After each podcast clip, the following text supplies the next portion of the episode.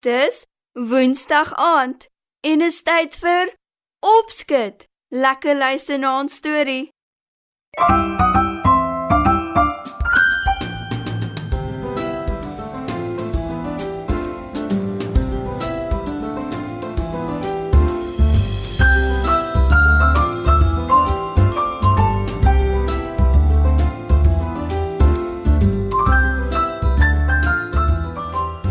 Goeienaand maats.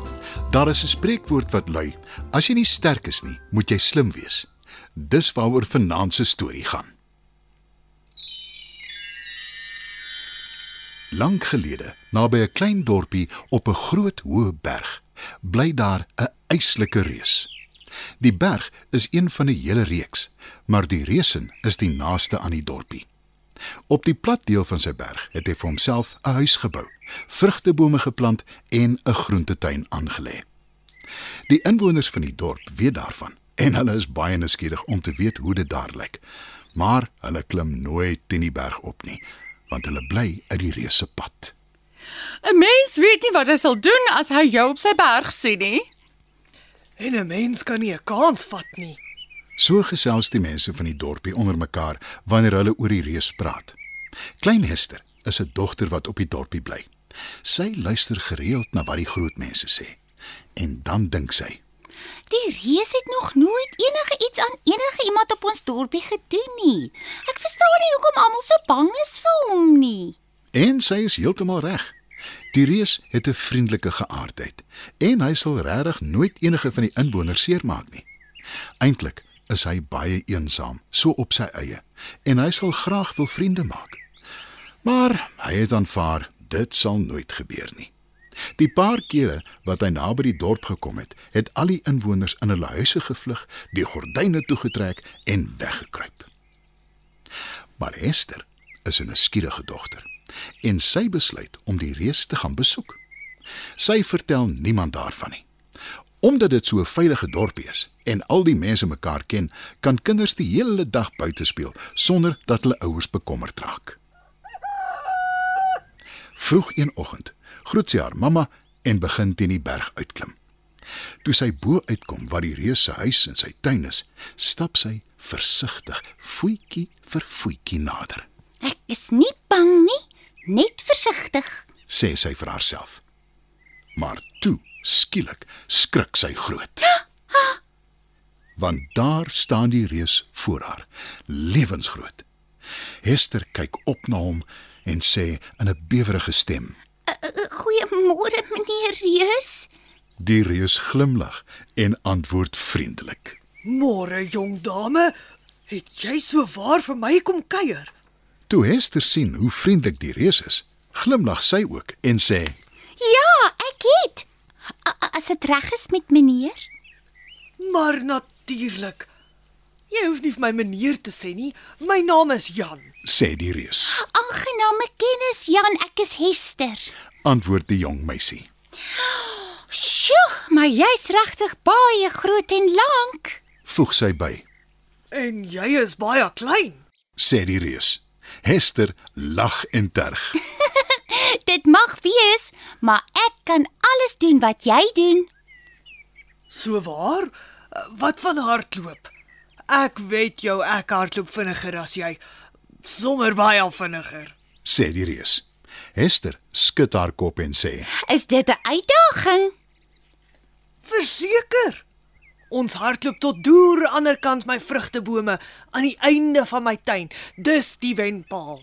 Antwoord die reus. En hy roep: Op julle merke. Gereed. Gaan. Hy spring weg. Maar omdat Hester so klein is, kom hy nie agter dat sy in een van sy skoenveters gryp en verbeete daaraan vasklou nie. By die wenpaal aangekom, kyk die reus rond en roep. Waar is jy klein Hester? Tot sy verbasing sien hy haar voor hom staan. Hoe's dit moontlik? Is jy Hester of haar tweeling Sissie? Vra hy. Hester skud haar kop en sê: Dis ek, Jan. Ek het nie 'n tweeling sussie nie. Die reus dink 'n oomblik na.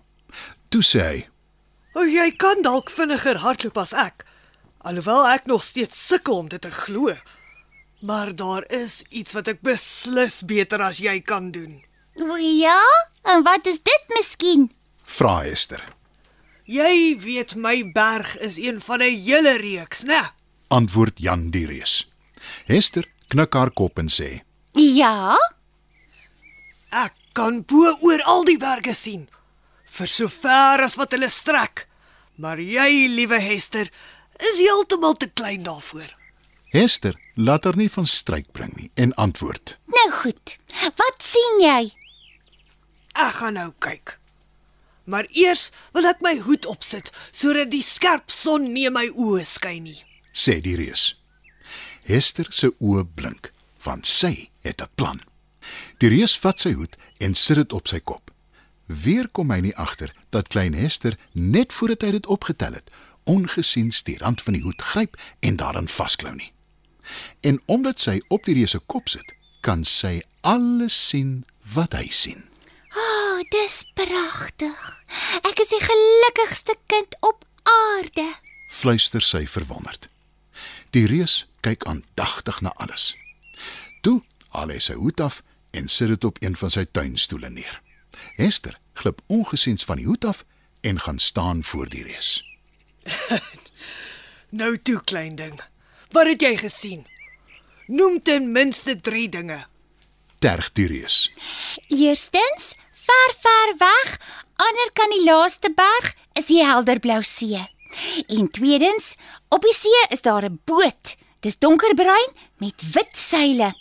En in die derde plek is daar 'n ligtoring op rotse in die see. Antwoord Hester. Die reus staar ongelowig na haar.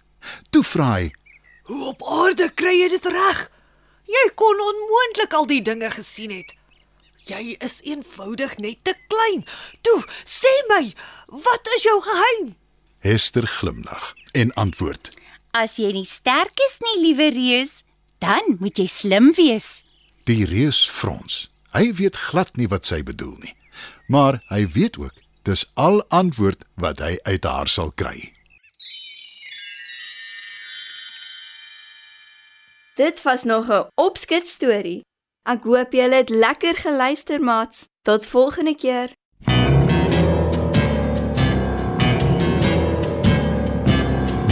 Ek is Jan Gouwer, jou groot reus, ek voel tog so alleen.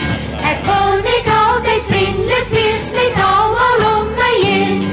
Maar dis so swaar om maatjies te kry want almal is so ver onder my. Nou stap ek maar en trap net in my spore. Hy is Jan Gabriel groot reus wat tog so graag marcheer. Hy is Jan Gabriel groot reus en wil julle almal leer. Maar niemand kan so ver soos ek stap en niemand kan so ver soos ek trap. Nou stap ek maar en trap net in my spore. Links, regs, links, regs, stap hy aan.